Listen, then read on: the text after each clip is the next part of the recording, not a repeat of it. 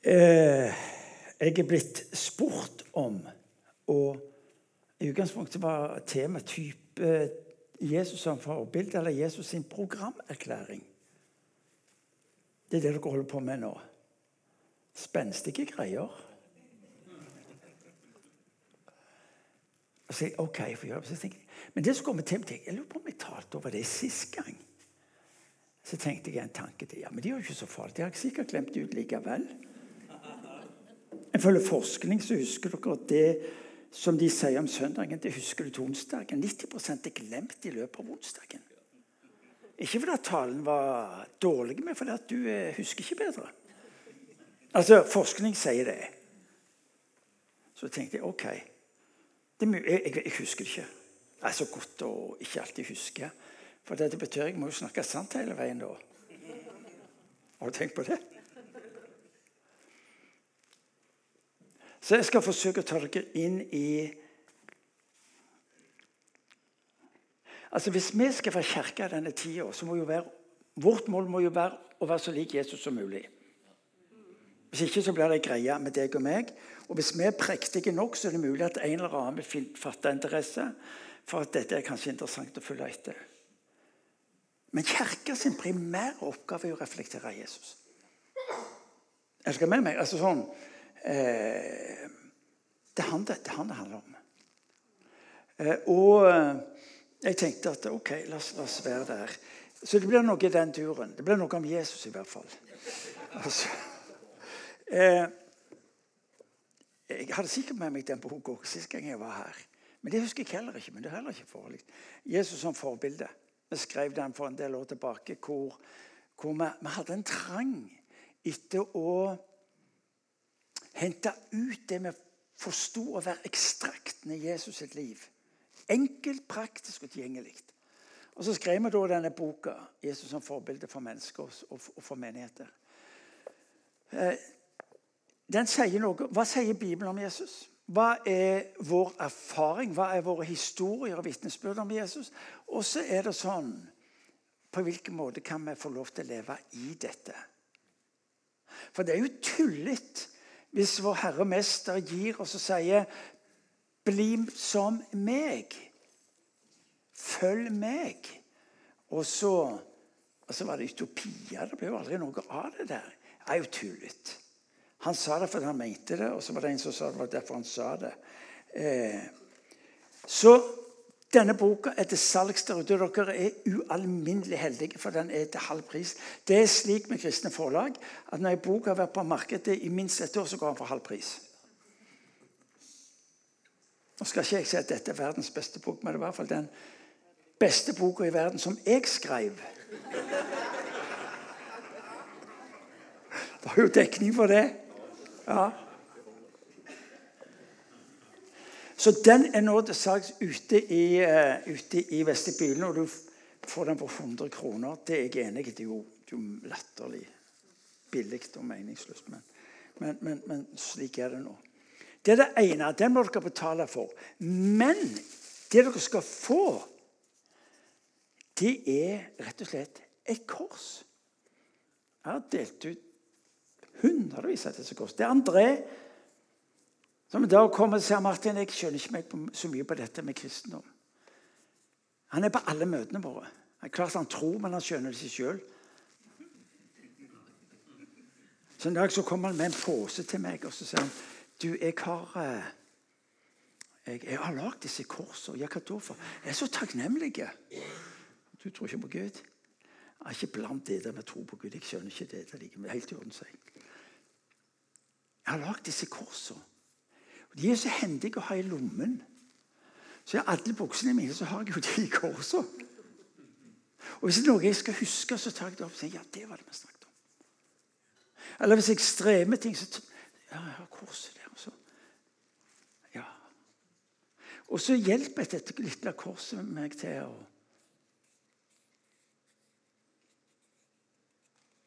Så jeg har tatt med en pose. Det er ikke nok til alle. Vanligvis ta så mange du vil, men det kan jeg ikke si nå. Det er ikke nok til alle. Så ikke prøv deg. men ta det. Det jo, Før i tida var det jo bare menn som gikk i bukser. Men nå, til og med kona mi går med på bukse. Ja, Det skulle tatt seg ut for 40 år siden å gå på møte med bukser. Men takk Gud for at tida går framover, eller verden går framover. Men ute ved bøkene så kan du ta et sånt kors, og så kan du ta det med deg. Jeg eh, får lov til å reise en del i Albania, og i fjor høst så møtte jeg eh, Jeg vil ikke navnet på han, men han var altså Albanias mest kjente og frykta kriminelle. Der satt han. Og så bare smilte han. Holdt på å bli drept av eh, en konkurrerende bande, mafia. Og så, og så overlevde han, og så får Gud nå han med sitt evangelium. Og så, så har jeg med meg disse korsene. Jeg har de med meg overalt. Så jeg har sånn etter han. Og så treffer jeg han i eh, vår. treffer jeg han. Tilfeldigvis på gata. Og så ser han meg, og så smiler han, og så er det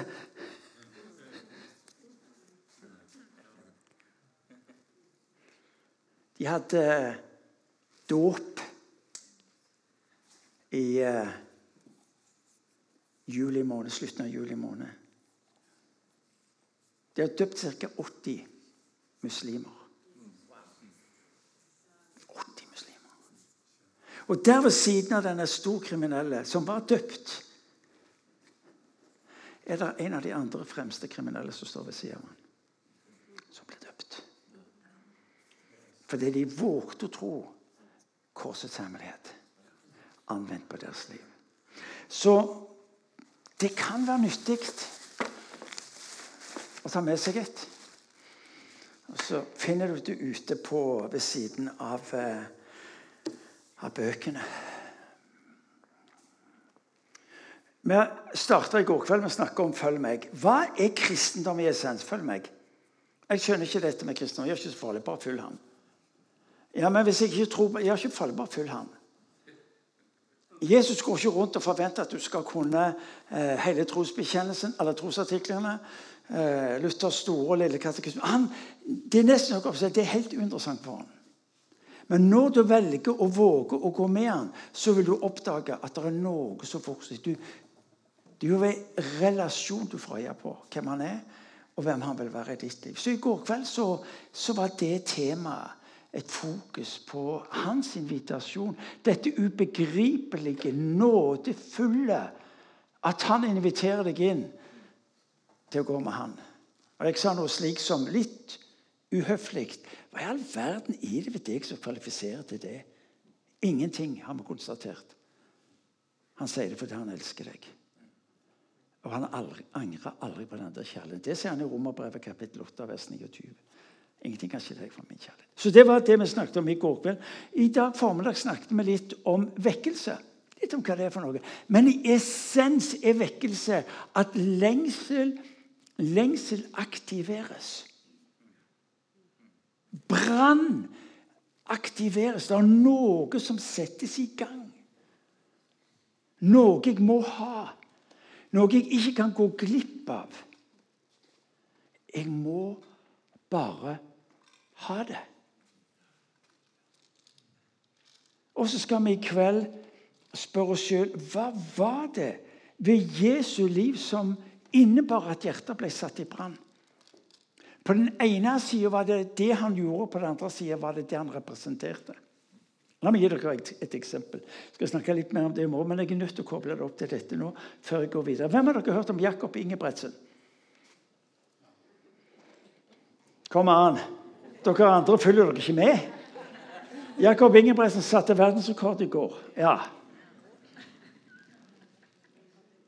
Det er helt ubegripelig. Jeg så han sprang 2000, for Jeg så det i går kveld når jeg kom hjem. De andre var gått til ro og skulle prøve å sove. Jeg satt der, Det er jo så fantastisk med teknikken i dag. Stemmene var tidligere på dagen. Jeg satt der og tenkte wow. Hvorfor fascineres? Jo, fordi som 17-åring var jeg altså landets beste i friidrett på 800 meter i min klasse.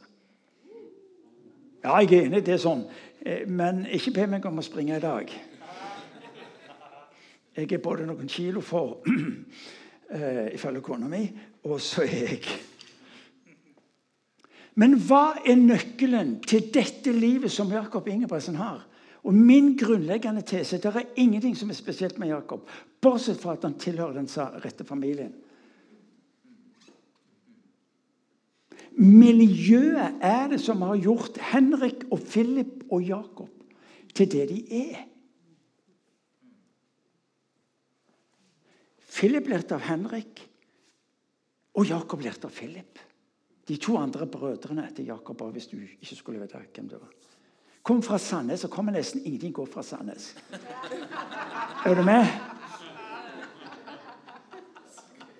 Hva er det da som konstituerer familien?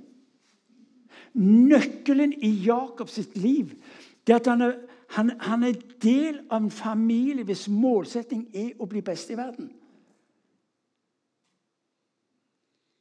Uhyre interessant. Det kom ikke noe godt fra Sandnes, vil de fleste av oss si. Det var en som sa det om Nasaret i sin tid. Kan det komme noe godt?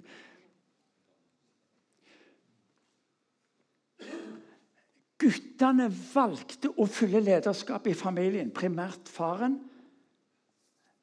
Han, må, han må ha vært en litt krevende utgave av arten. Det er vi enige om. Og akkurat nå er det litt sånn krevende, for nå får jo hele verden greie på det. Men for å ikke gå inn i familieproblematikken etter Ingebretskens eh, miljø og osv.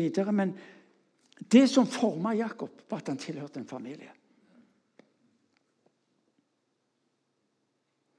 Hva er det som former deg og meg? Jo, da kan man si det er vår fysiske, kjødelige familie. Men det samme prinsippet gjelder menighetsfamilien. Det er det samme prinsippet. Der du og meg er sammen om å begynne å vurdere, så har man hang til å vurdere oss som enkeltmennesker. Mens Bibelen aldri har tenkt på oss som enkeltmennesker. Bibelen har tenkt på oss som et kollektiv, som et fellesskap. Som sagt, Dette skal jeg se mer om i morgen ettermiddag. Det kan bli godt mulig både spennende og utfordrende.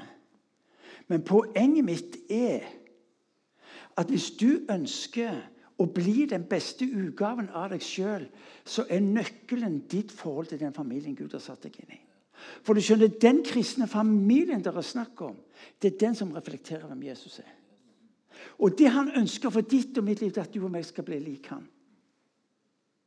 Hvis, hvis dere som tilhører denne menigheten Jeg sa det i går, jeg sier det igjen. Det er jo fenomenalt at dere tar ut en lørdag kveld for å gå på noe kristelig.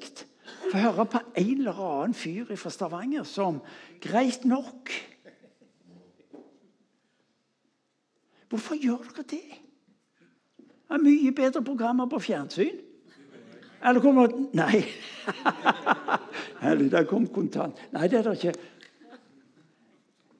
Men det er folk der ute på Froland som lurer på hva dere holder på med, istedenfor å sitte hjemme og se på reality eller hva det måtte være. Dere er her fordi dere har en dere har en trang, en brann, etter å få tak i noe som har med Gud å gjøre. Og Det syns jeg er altså så fascinerende. Det, det, det, slår, det, er sånne mennesker jeg ønsker å være sammen med. For de gjør noe med meg. Ja, og da minner på familien med en gang. Henrik valgte å følge faren. Og så valgte hans yngre bror Philip å følge han. Og så velger Jakob å følge han. Og har du lagt merke til Dette er parentesen. Jeg syns det er så rørende og så til de grader betagende. For det er ikke Henrik som ble verdensmester, det er ikke Philip som ble verdensmester. Men fy søren så de roser, løfter og anerkjenner Jakob for dette han vinner. Jakobs seier er de seier. Jakobs erfaring er deres erfaring. Og så er det ikke han, men det er oss. Det er for menighet. Det er for menighetsfamilie. Så spørsmålet for deg og meg må bli ja, hvordan ser den menigheten ut? Vi skal slippe å sammenligne oss med Ingebretsen, men vi skal allikevel få jeg sa noe i går at folket der ute er ikke mot Jesus. De vet ikke bare, bare ikke hvordan han ser ut. Kan det tenkes at folket der ute egentlig spør hva, hva er meningen I denne urolige verden, hva er meninga med Hva er hensikten med livet? Hva, hva, er det slik at det er slutt når det er slutt, eller er det en høyere målsetting? Hva som en, det, livet må jo være noe mer enn dette her. Han trodde ikke på Gud. står i Matteus evangeliet kapittel 11. Jesus, nei, eh, Johannes Døperen Johannes var fortvila, frustrert. Hadde på et vis nesten gitt opp. Han skulle være forløper. Men det kom jo ingen. Det ble jo ikke slik som han trodde. Jesus, Johannes er den første som får øye på Jesus og hvem han er. Se der Guds lam som bærer verdens synd. Og så når han er punktet til det hvor han begynner å tvile på hele greia.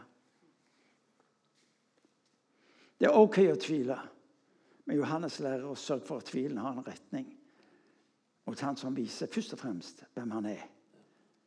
Og Så sender Johannes sin disip, to av sine, og så spør de Jesus Jesus, er du den som skal komme, eller skal vi vente på en annen. Jeg tror det dypest sett er ropet for det norske folket. Jeg skjønner ikke hva Kirka holder på med. Vi forstår ikke ordene, forstår ikke debattene, forstår ikke alt det den måtte være imot. Er det dette vi skal vente på, eller skal vi vente på noe annet?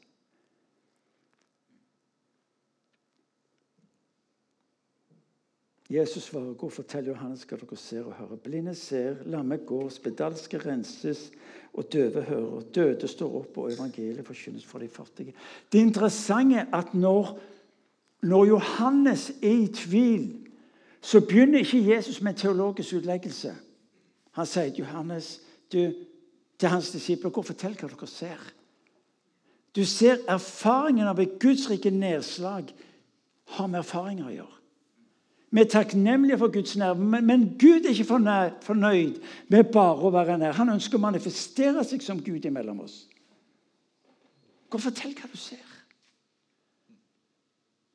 Gå og fortell hva du ser. Når, eh, når, når ungdommene Det er jo ungdommene Eh, vi gikk på gata vi ba for syke, og vi gjorde det veldig sånn diskré og litt sånn forsiktig. og Så kom ungdommene inn på banen, og til tider så aner ikke de hva diskresjon er for noe. Er du med? Det er rett fram. Så når de gikk i byen og skulle be for syke, så, så fant de grupper av ungdommer. Så tenkte de OK, vi går bort der. Fordi de hadde oppdaget at hvis de spurte et menneske hvis du har smerte eller syk, så vil de gjerne få lov til å be for deg. Og Da sa de som oftest nei. Men hvis de gikk til grupper av ungdommer, så er det noen av dere som er syke. Ja, Da begynte de jo å angi hverandre.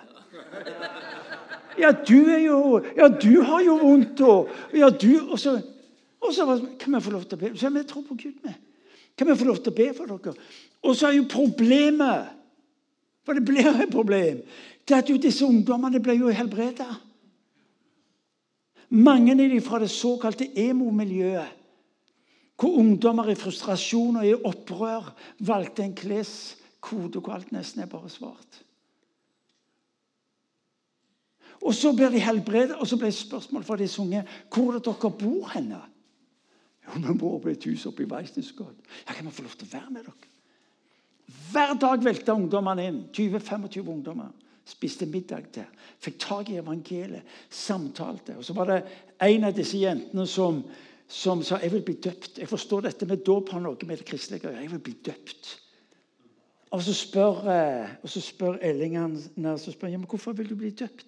Og så, og så peker hun på Gjermund, som var ledende gruppa. Fordi jeg vil bli som han.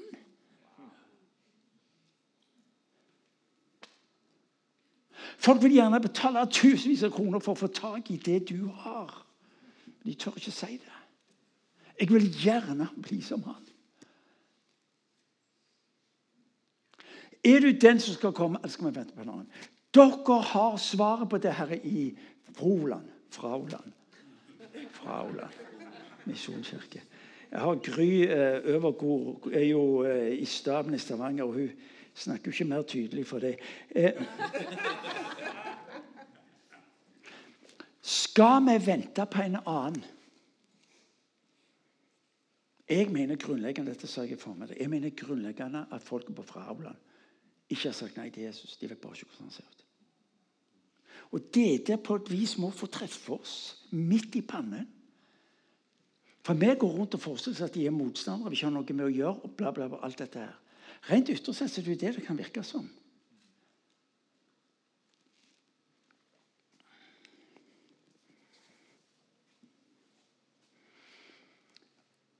Er du den som skal komme, eller skal vi vente på en annen? Jeg tror det er tre kjennetegn som du og vi skal få lov til. Det første som kjennetegner Jesu liv, det var hans barmhjertighet. Godhet. Det fascinerende med godhet den bygger ned motsetningene. Den, den, den gjør det vanskelig å mislike. Den er slik at eh, det er mulig jeg ikke tåler deg, men din godhet gjør det slik at jeg, jeg orker likevel å være sammen med deg. Godhet er det sterkeste redskapet, mener jeg, til å berøre mennesker med hensyn til forvandling. Moder Therese sa det slik Det er Guds kjærlighet. Liten grad av kjærlighet som forvandler denne verden.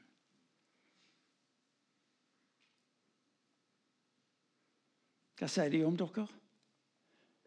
Gode kollegaer, vanskelige kollegaer, sutrete kollegaer, klagete kollegaer eller gode kollegaer?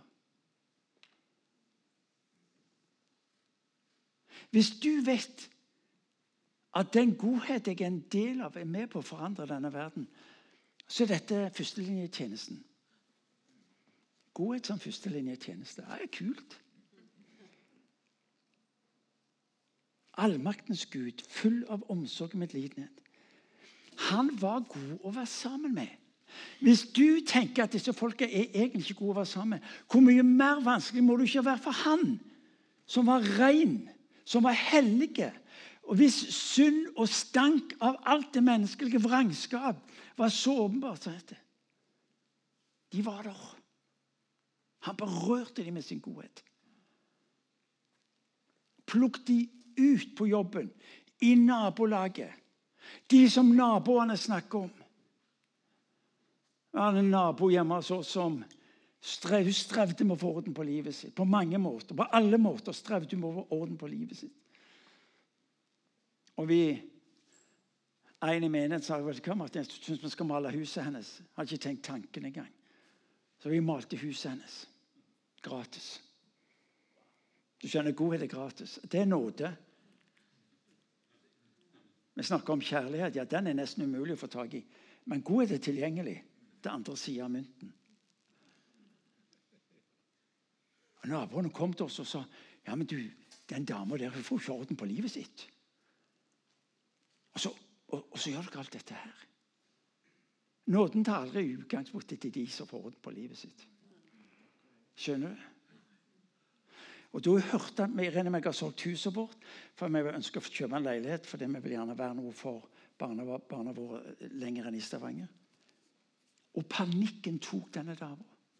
Hun sendte melding til Irene på natta og sa du, jeg, jeg vet ikke hva jeg skal gjøre hvis dere flytter.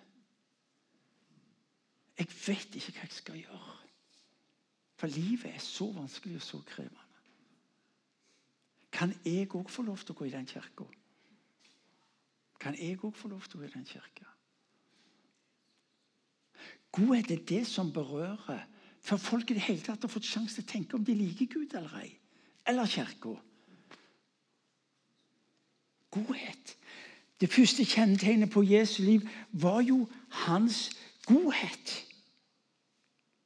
Han var oppsøkende overfor alle. Hans godhet berørte alle. Barmhjertigheten, den berørte alle. Får du tak i dette? Det er ikke slik at godhet må nødvendigvis være så dryppende seriøs. Godheten kan av og til, når vi ser hvordan Jesus oppfører seg, være meningsløs lettvint. Og den er så såre unødvendig. Dere husker beretningen når jeg, eh, Noen av dere husker den. Beretningen når jeg, eh, når jeg eh, var i butikken og sto bak innvandrere og ungdommen. som hadde kjøpt noe chips og sjokolade og cola. Det er jo så usunt og så unødvendig. Men der sto jo fyren skulle betale, så han har ikke nok penger. Så du må, du må Ja, altså køen den bare vokser, den, altså. Så spør jeg han i kassen hvor mye han mangler. 50 kroner.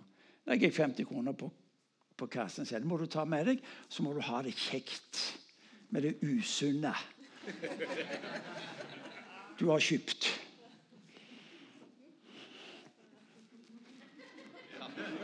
Kan du se han for deg? Ja. Og når jeg kommer ut, så ser jeg han med kameratflokken, og så peker han. Han var det. Vet du hva? Jeg lengter å høre at folket på Froland og i Stavanger peker på oss og sier de var det. Hvis du har problemer, så er det der du må gå. Fordi at eh, de er gode.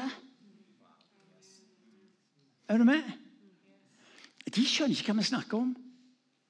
De har ikke taket på livet. Kanskje har de taket på livet.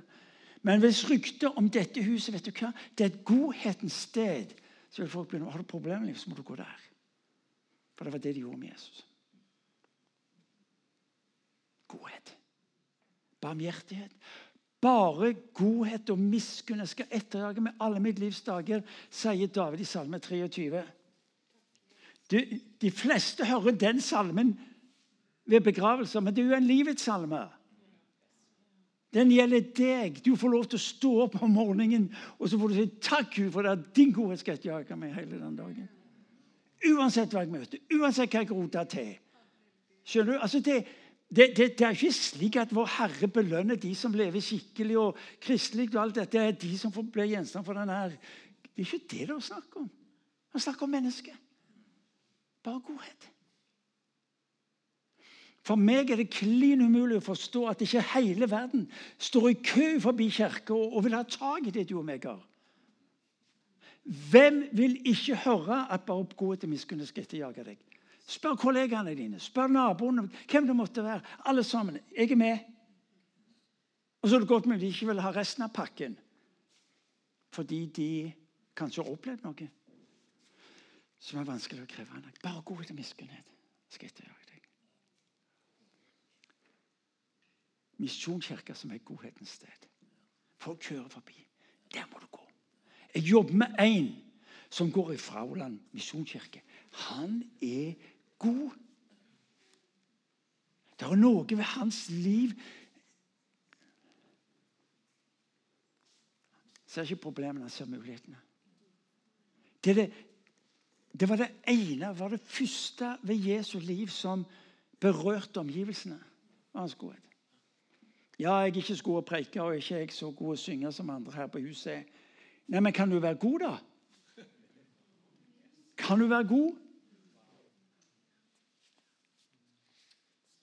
Fortalte historien når jeg kjøpte en bukett med blomster. og Jeg tenkte ja, denne, kan jeg, denne må jeg kjøpe. Jeg visste ikke riktig hvorfor. Det var ikke til kona. Det var tydelig det var til en annen, men jeg kunne eventuelt gi den til kona hvis jeg ikke fant på noe annet.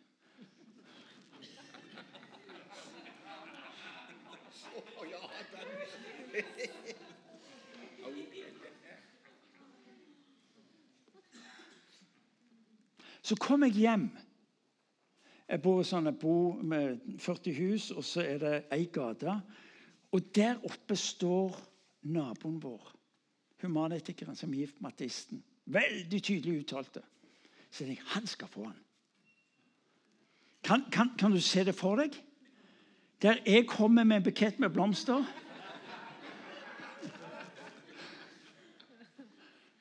Så det er bare ikke naturlig. Noen plasser er det naturlig, men det, også er det ikke naturlig at menn gir blomster til menn. Og så sier jeg, Magne, denne skal du ha. Fordi det betyr så mye for oss å ha deg som nabo. Fordi du, du skaper så mye godt.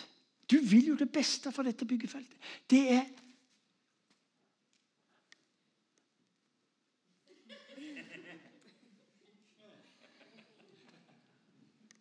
Jeg vet ikke hva han tenkte, men jeg kan fornemme hva han tenkte. Martin har tørna. Og så går han inn, ikke sant, og der møter han kona Turid, som sier 'Å, har du ikke blått!» Nei. Jeg fikk det av Martin. Og vet du hva han sa? Det var så godt at jeg bodde i denne gata, og hva jeg betydde. Min intensjon har aldri vinne folk sine hjerter med billige løsninger som blomster. Men det skal jeg si deg, det forandrer liv. Enten det er blomsten eller kaka eller ordene eller hva det måtte være. Det blir trist når dere flytter herifra. Nå skal det sies at de flytter sjøl i løpet av et par-tre måneder. Men er dere med? Den døra er åpen. Hvis hør meg riktig, hvis du og vi skal nå mennesker med evangeliet, så må de vite at vi ikke hater dem. Da må de vite at vi ikke hater dem. Da vi hørte at uh, Det som er så fint parentes, det som er så fint lørdag, at uh, dere skal ikke på noe annet likevel, og dagen er jo ødelagt. Så jeg mener, Desto større har jo jeg sjanse til å si det som ligger meg på hjertet. Men er det greit så langt? Ja, Jeg har fremdeles litt å si igjen. Og hvis du tenker at uh, nei, nå har jeg holdt på lenge, nå går jeg, så må du bare gjøre det. Hvis du sovner, så er det også helt ok. Det må jo være en glitrende plass å kunne sovne i Guds hus. Har du tenkt på det? Da får de, da får de det inn mens de sover. Da står det nemlig det i bok. Men når du sover Når du sover Men vi hørte at muslimske barn og ungdom var de som oftest kom ut på skråplanet og kom i konflikt. De slutta på skolen, de endte opp i kriminalitet. Og vi tenkte vi kan ikke være sånn. Så vi bestemte oss for i menigheten ok, vi skal gi en kollekt på det tidspunktet, den største kollekten vi hadde gitt noen gang, skal vi gi til det muslimske miljøet fokusert på barn og ungdom. Hvordan gi de det de trenger?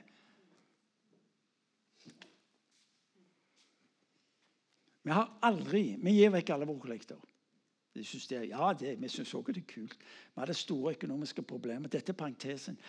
Det interessante ved meg er ikke primært det jeg sier som tale, men det som kommer fram i parentesene. Vi hadde svære økonomiske problemer, og så sier styret hva gjør vi nå? Og Det kan jeg fortelle dere, det var millionunderskudd. Ja. Små menigheter, små problemer. Store menigheter, store problemer. Desto mer økonomiske problemer. Og Jeg tenkte jeg kan ikke gå tilbake inn og begynne å mase på menigheten. Og så er det som Gud slår meg i hodet. Ok, har dere økonomiske problemer, så er det på tide å gi de pengene ut. Altså, Men det løser jo ikke problemet. Du har forkynt, gi, og dere skal få. Det er jo ikke et ord som bare er anvendt på enkeltmennesker. Dette ordet er jo gitt til menigheten. Så vi begynte å gi ut kollektene våre, og så ble helt riktig økonomien bedra seg. Men nå er vi i en ny fase med, med utfordring på økonomien. Det er fordi vi vil så grådig mye. Men poenget er vi begynte å gi ut kollektene våre. Og Den dagen var det vi bestemte oss for ok, vi skal gi kollekten til det muslimske miljøet ved barn og ungdom. Så vi spør kan vi får lov til å komme. Ja, vi får lov til å komme. Vi sier ikke at vi har tatt opp kollekt, for de vet ikke at vi har tatt opp kollekt. Så vi tar opp kollekt til de, og så Om jeg kan få lov til å komme. Møte opp i moskeen. Det er første gangen vi har annonsert i med, vi har invitert media til å være med. For vi ønsker som menighet å gi et signal. Vi ønsker et signal om at vi vil støtte det muslimske barne- og ungdomsarbeidet. Og Det som da skjer, det er at vi møter opp i moskeen, tar av oss skoene og blir servert eh, pulverkaffe og mariekjeks. Det er klart, det er jo ikke det du gir folk som kommer på besøk. Men det var det vi fikk. Men vi har for vane at når vi gir en kollekt til andre formål ut forbi oss sjøl, har vi alltid med oss marsipankaker. Eh, og hvorfor det? Jo, fordi jeg elsker marsipankaker. Og når det var meg som bestemte, så fikk jeg lov til å gi marsipankaker. Så jeg kom med marsipankaker. Og Der er det to TV-stasjoner, og det er tre journalister fra ulike avis, eh, aviser som vil dekke dette. Og vi kommer du, med denne her rundsnippen. Jeg går jo aldri med dette styret. er det med? Men jeg tenkte der skal jeg gjøre det. Og så spør vi hvordan det går med arbeidet blant barn og ungdom. Han er ærlig på det. Og så har vi med oss kake, og så gir man sjekken til slutt. ser på summen og svelget. Det var mye penger. Og så spør journalisten han, du, hva betyr det for deg å få disse pengene. Og så kommer svaret. Så sier han Det å spise kake med dem, det var hyggelig, for kaka var god. Det å få denne sjekken som skal hjelpe oss til å bety en vesentlig forskjell for våre barn og unge. Og vi skal behandle det i henhold til det som er intensjonen med denne gaven. Men det å møte noen som bryr seg, et hjerte som bryr seg om våre barn og ungdom, det er det som gjør inntrykk. Hvem tror du de vil komme til? De fleste muslimer tror at kristne hater dem. Det er faktum. Hvordan er det mulig å skulle brenne Koranen? Det er så respektløst. Det er en, det er en frekk Kunne du tenke deg å se Jesus brenne Koranen foran moskeen? Og du må si, Hva i all verden er det som skjer? Vi er kalt til å elske dem. Jesus sier, 'Elsk dine fiender. Elsk dem. Ja, gjør jeg det ved å nøre opp under det de forstår er de kristnes hat? Er dere med meg? Godhet. Små ting gjort i kjærlighet forvandler. Og du og meg er kalt til å være der. Det er min drøm for Imi. Det står om Jesus i Apostelens hjerne, kapittel 10, vers 38. Jesus gikk rundt og gjorde godt når, når, når, forfatteren skal summere hva Jesus gjorde så Han gikk rundt og gjorde godt, og så satte han de fri, de som var besatt av vonde ånder. Det er interessant. Det er summen. Min drøm, min bønn for menigheten hjemme Vi skal være kjent som et sted hvor godhet er tilgjengelig. Og det er mitt håp for menigheten her i eh, Frauland. Det neste iøynefallende det er å gjøre Jesu undergjerninger. Programerklæring ja, den må hente ifra hvem Jesu er. En har sagt det slik at den fremste form for teologi er Jesus Kristus. Og Hvis du er litt usikker osv. Hva, hva, var hva var det Jesus gjorde? Hva var det Jesus gjorde? Det var hans undergjerning. Han helbredet alle. Bortsett står det fra i Nasaret, hans hjemby. Jeg syns det er et vanskelig sted jeg, å lese. Men ikke la oss hekte opp i det som er vanskelig. La oss heller opp, hekte oss opp i, i hva er det han gjør. Der han slapp til, der det ikke var rasjonelle, fornuftsmessige forklaringer som stengte han ute. Han helbredet alle overalt. Og når han da avslutter sin tjeneste så Det er uhyre interessant. Det er to misjonsbefalinger i, i Nytestamentet. Den ene fra Matteus 28. Den er vi vel kjent med.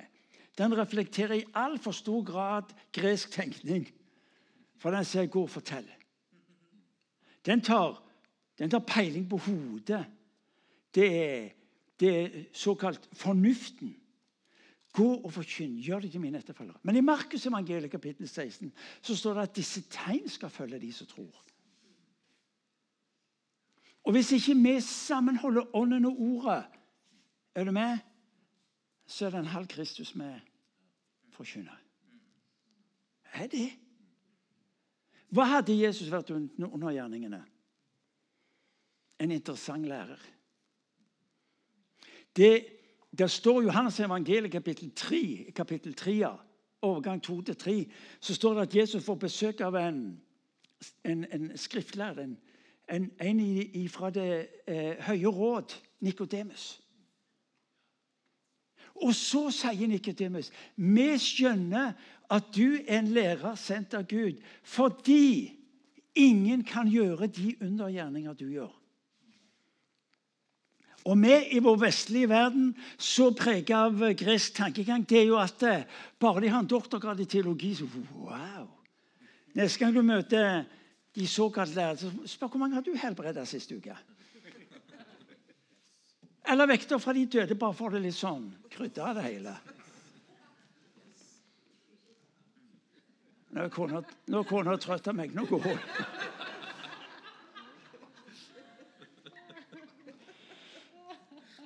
Hør nå, folkens. min datter Prest, utdannet ved, ved det har jeg sagt mange ganger, er utdannet ved Misjonshøgskolen i Stavanger. Et av de såkalt konservative teologiske fakultetene, nå VID. Holder på med en doktorgrad. Jeg spurte hvor mye undervisning har dere om helbredelse. Én time. På seks år, ja. Så vi startet, ja, sånn kan det ikke være. Vi må starte en høyskole. Så vi starta en høyskoleutdannelse. Og møter dekanus Bård, hyggelig kar. Han spør du Martin, hvorfor, hvorfor start, vi gjorde det i samarbeid med Misjonshøgskolen. Hvorfor starta dere eh, med, med, med, akademisk og høyskoleutdannelse? Nei, fordi at dattera mi gikk på skolen din. Og når hun fortalte om alt det de ikke lærte, så tenkte jeg må vi, får vi ta tak i det, da? Og så bare ler han. Så ja, Hans hadde den timen i, i, om helbredelse. Han er død, så nå er det ingen som har han.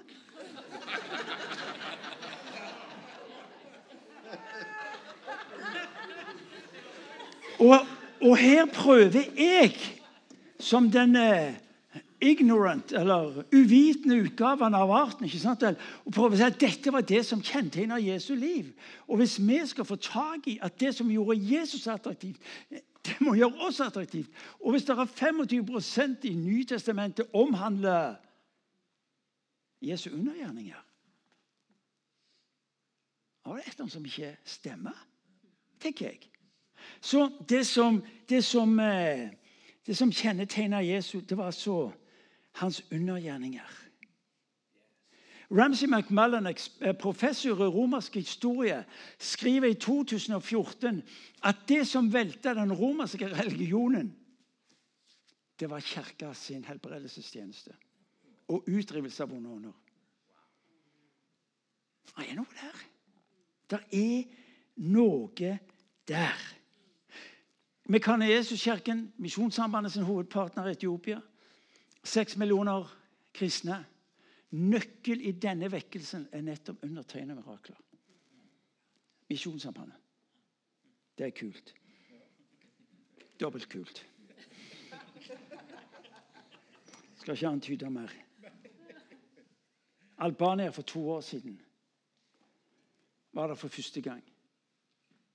70 av de vi ba for, ble momentant helbredet. Momentant helbredet. Og jeg sto der og tenkte Kjære Gud, hva er det som skjer? Husker jeg når Første gang jeg ba for et menneske, hun var blind. Thailand. Ba for henne. Og etter jeg hadde bedt for henne, så spør jeg ja, hvordan går det med Jeg ser. Ja, nå må du ikke tulle. Nå må du være ærlig. Ser du?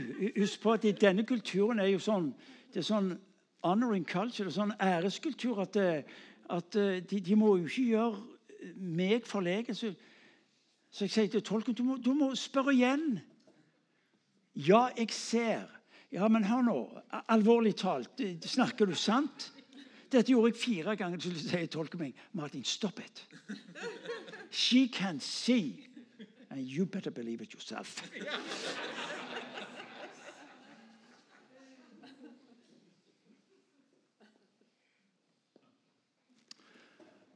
Det andre kjennetegnet på Jesu liv, det var altså hans undergjerninger. Hvis vi vil være kirke, hva er det folk i denne bygda forbinder dere med? Samme gjelder Imi. Vi er rå på det spørsmålet hos oss. Hva er det de forbinder seg med? Er du syk, så gå der. Er du syk, så gå der. Du får ikke lov til å slippe det. Er det fordi at jeg sier det? Det er uhyre uinteressant, jeg måtte si. Og det står at disse tegn skal følge. Som jeg sa i går, jeg reiser hjem i morgen. jeg. Så da får dere finne ut hva dere har. Det, blir Vidar Kristine sin utfordring å svare på alle spørsmål. Det var som en sa til meg en gang vi hentet en, en som talte hvor fant du han der hen? Ja, han, bor, han bor i Stavanger. Er dere, er dere med meg? Ja, Dere må ikke slippe det. For hvis dette var viktig for Jesus, så kan ikke det være mindre viktig for oss. Kan ikke det. Så han var kjennetegna for godheten. Han var kjennetegnet for undergjerningene. Og det tredje han var kjennetegnet for, det var ordet. Det skrevne ord. Han utla Skriftene. Det fortelles at når han etter oppstandelsen gikk sammen med to av sine disipler, så står det at når han utla Skriftene, så brant Guds ordskapet brann. Ja. Ingenting kan erstatte Guds ord. Guds ord var en nøkkel. Han utla Skriftene, står der. Og så hisser han på seg folket. Han drog tilhørende inn i ordet, og det brant i deres hjerte. Men det andre som kjennetegna Jesu liv, det var jo han var jo i kontinuerlig eh, eh, relasjon og samtale med sin far. Og jeg tror grunnleggende så var det nettopp for å tale inn i folk sine. Det står at menneskesønnen gjør ikke noe annet enn det hans far gjør. Det er jo Johannes evangeliet kapittel 5.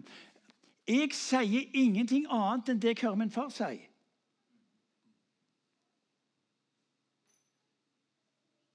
Det profetiske ord opplever jeg er vår tids viktigste våpen for å berøre mennesker i dette landet og utover dette landet. Igjen og igjen og igjen så, så ser vi at det profetiske ord anvendt inn i menneskers liv har en avgjørende betydning. Avgjørende betydning. Og Paulus sier at Jag etter tale profetisk, alle sammen. Alle sammen. Alle kan tale profetisk. Vi har På våre bønne- og lovsanger om tirsdagen hjemme så har vi det slik at vi setter av ti minutter. Ti minutter på hver samling. Så sier vi ok, nå skal dere få lov til å anvende det profetiske på hverandre. For greia er den at Hvis ikke vi vinner kampene på hjemmebane, vil vi heller ikke vinne dem på bortebane.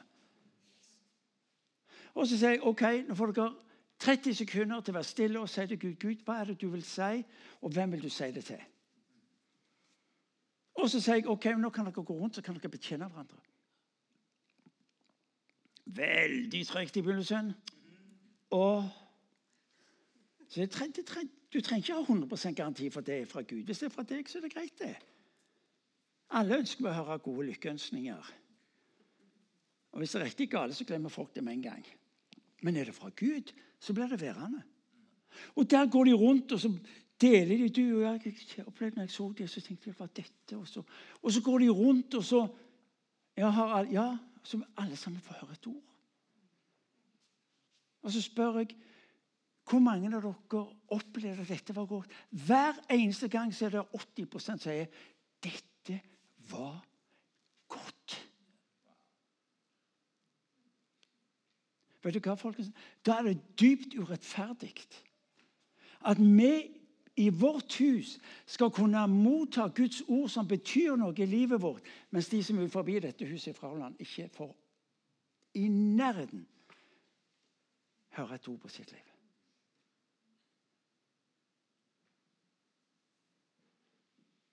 Du vil ikke at det skal være sånn, du. Jeg vet du vil ikke at det skal være sånn. Jeg vet du som er i dette rommet, har et ønske. Det la meg få lov til å gi inn. La meg få lov til å gi inn. Når, eh, når, når uh, datteren vår var like ung som disse ungdommene her, kommer hjem til oss, og så har vi der en gjest fra USA ved bordet. og så, Hun visste ikke hvem han var, men hun ser på han. Og så sier jeg, 'Pappa, kan jeg få lov til å si noe til han?' 'Ja, bare si noe, du.' Og så begynner hun å beskrive for han et sted i Tyrkia. Og hun bruker, hun bruker, bilder som er så spesielle at hvis du ikke har vært så er det helt umulig å forstå det. Han var en sterk motstander av alt som hadde med karismatikk å gjøre. Ut ifra negative erfaringer. Og så sier han dette er helt crazy. Det stedet du beskriver, et sted fra Nord-Tyrkia. Jeg har vært, og det lyset som du, Den fargen som du beskriver på elva, er kun mulig når lyset kommer fra en bestemt sola, lyset fra sola kommer fra en bestemt vinkel. Og jeg skjønner Gud talte meg.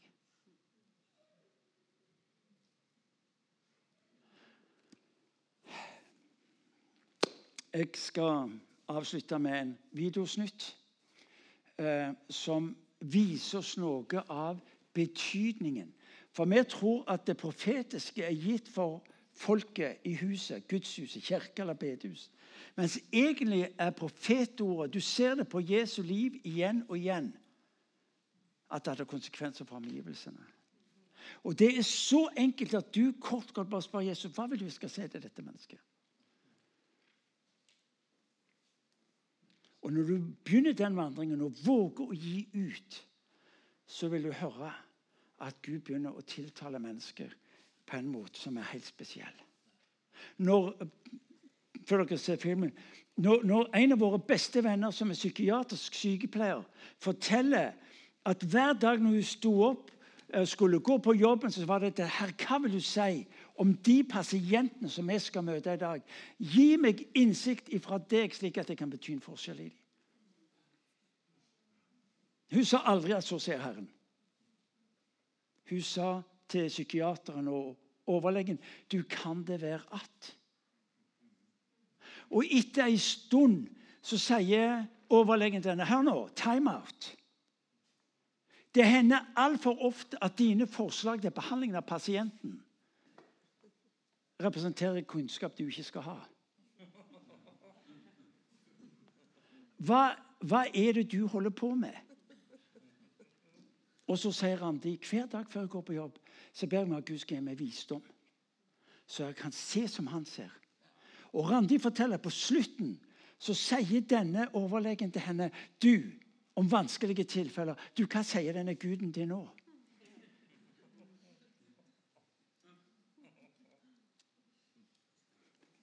Hadde en i menigheten bedriften holdt på å gå konkurs? Fortvila, ba Gud for et profetisk ord, gå til sjefen og hele situasjonen snus. Det, det er mønsteret i Bibelen. Josef sitter i fengsel. En for et profetisk Han forstår det, og så gir han en nøkkel til at landet overlever. Igjen og igjen og igjen og igjen. Dere skal møte Jesus nettopp i dette perspektivet fra Johannes evangeliet, kapittel 4. Hvor mange av dere har sett uh, serien The Chosen? Hva er det dere ser på på fjernsyn? Dere må se The Chosen. Gå hjem og se på The Chosen, gjerne i kveld. Men kanskje ikke i kveld, for hvis du begynner å se på den, så holder du på hele natta. De, er, er, du enig? Er den, den, er, den er gigantiske. Ja, du, skal se, du, skal se, den gjengen av disipler som Jesus Jeg har aldri skjønt den gjengen med disipler. Når jeg har sett til Chosen, tenkte jeg herlig freden. Han har i hvert fall ikke plukka de fra øverste hylle. er du med? Det må være en eller annen restekorg, tenker jeg. For det er altså så rotet. Men for noen, for noen personskikkelser. Ja, Det er helt spesielt. Men i den filmen så filmer de fra Johannes evangeliet hvor Det står i Johannes evangeliet at Jesus måtte reise. Og så står han måtte reise gjennom Samaria. Egentlig så trengte han ikke, Det var ikke den korteste veien. Men da står han måtte. Samaria er langt verre enn svensker.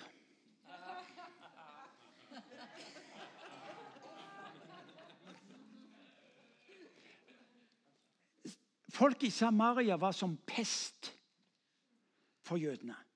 Det var historiske, det var relasjonelle, det var religiøse. Det var så mye crash at jødene ikke har noe med det å gjøre. Og det samme motsatt vei. Og der, utenfor byen, møter Jesus kvinnen fra Samaria. Og noe skjer. Denne historien slutter jo ikke der. For det står at hun gikk tilbake igjen, så fortalte hun om det ordet som hadde nådd hennes liv, med den følge at hele landsbyen kom til tro. Jeg tror vi har gjort det altfor komplisert. Hvor mesteren egentlig ber deg og meg om å være bokstavelig talt postbud, som bærer hans ord til mennesker. Både for personlig liv, men også med konsekvens for samfunnsliv.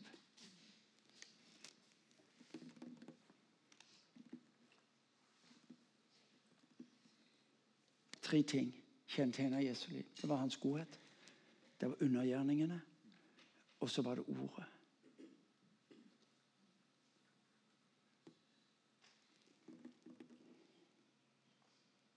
Siden jeg så den beretningen første gang, så har jeg aldri glemt den. For det at du og meg strever med ordene, eller hva det måtte være, og skulle gi dem til folk, så har han altså gitt oss denne underlige gaven som ikke er forbeholdt noen få på et møte, men som er gitt oss for å berøre mennesker der ute. Jesu programerklæring var at han ville være noe for de som var utenfor. Jesu programerklæring er at han vil være noe for de som er forbi denne kirka. Som det er forbi Imi kirke i Stavanger. Og dere inviteres.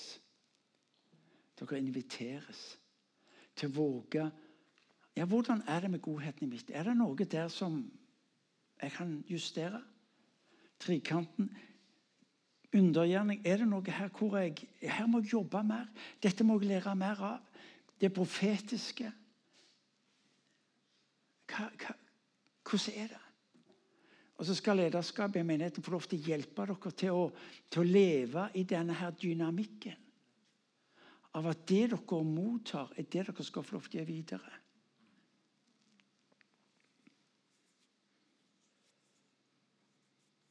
Jeg får lov til å leve i en profetisk tjeneste. Men vet du hva? Det var noe jeg fikk lov til å vandre i og lære av. Dattera mi virker som hun fikk det i fødselsgave. Noen av oss andre må jobbe med det. Men det er helt i orden når jeg ser hva det betyr i folk sine liv. Og det er det du og meg inviteres til. Det er derfor vi er her. Hvis ikke så hadde det ikke gitt noen mening. Ja, hente oss hjem. Kan vi reise oss, så vil jeg gjerne vi skal be.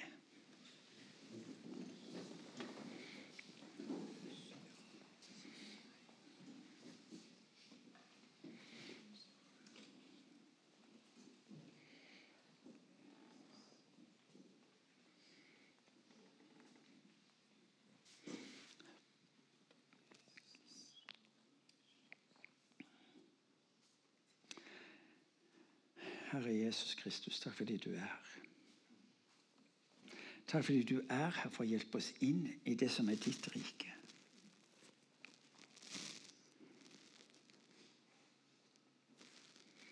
Takk fordi at du ga, ikke, du ga oss ikke ditt ord til informasjon.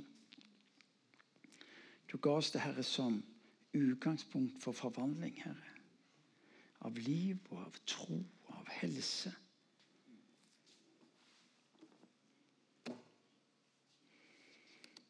Herre, nå takker jeg deg for den gjengen som står her på ditt ansikt. Takker deg for fordi du, Gud, er ikke bare en bønnehørende Gud, men du er en bønnesvarende Gud. Jeg takker deg for det at det du ga oss av herligheten, var det vi trengte for å se denne verden bli forvandla. Herre, du sier i ditt ord at som den herlighet som Faderen ga deg, er den du gir oss som ditt folk, som dine barn, som din kirke. Herre, nå takker jeg deg for det vi får lov til å være innenfor ditt ansikt og vite at du er en Gud som tar oss på alvor. Du, Herre, hører våre bønner. Herre, du ser våre lengsler, du ser vårt dype ønske om den brann, Herre, som ditt rike representerer. Jeg ber for ham at den enkelte av oss skal få lov til å ta imot og leve i. Du ikke, her du står, kan du ikke bare ta og så Legg hånda di på, på, på, hjertet. Og så ærlig bare se her Godhet, overnaturlige, ordet, profetiske.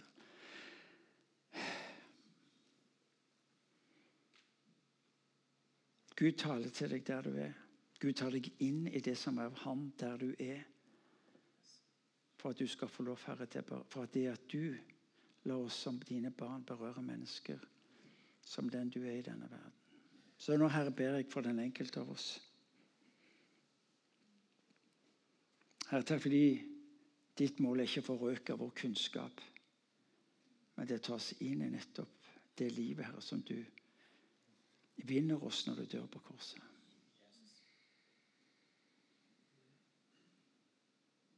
Kom, Hellige Ånd. Kom, du Hellige Ånd.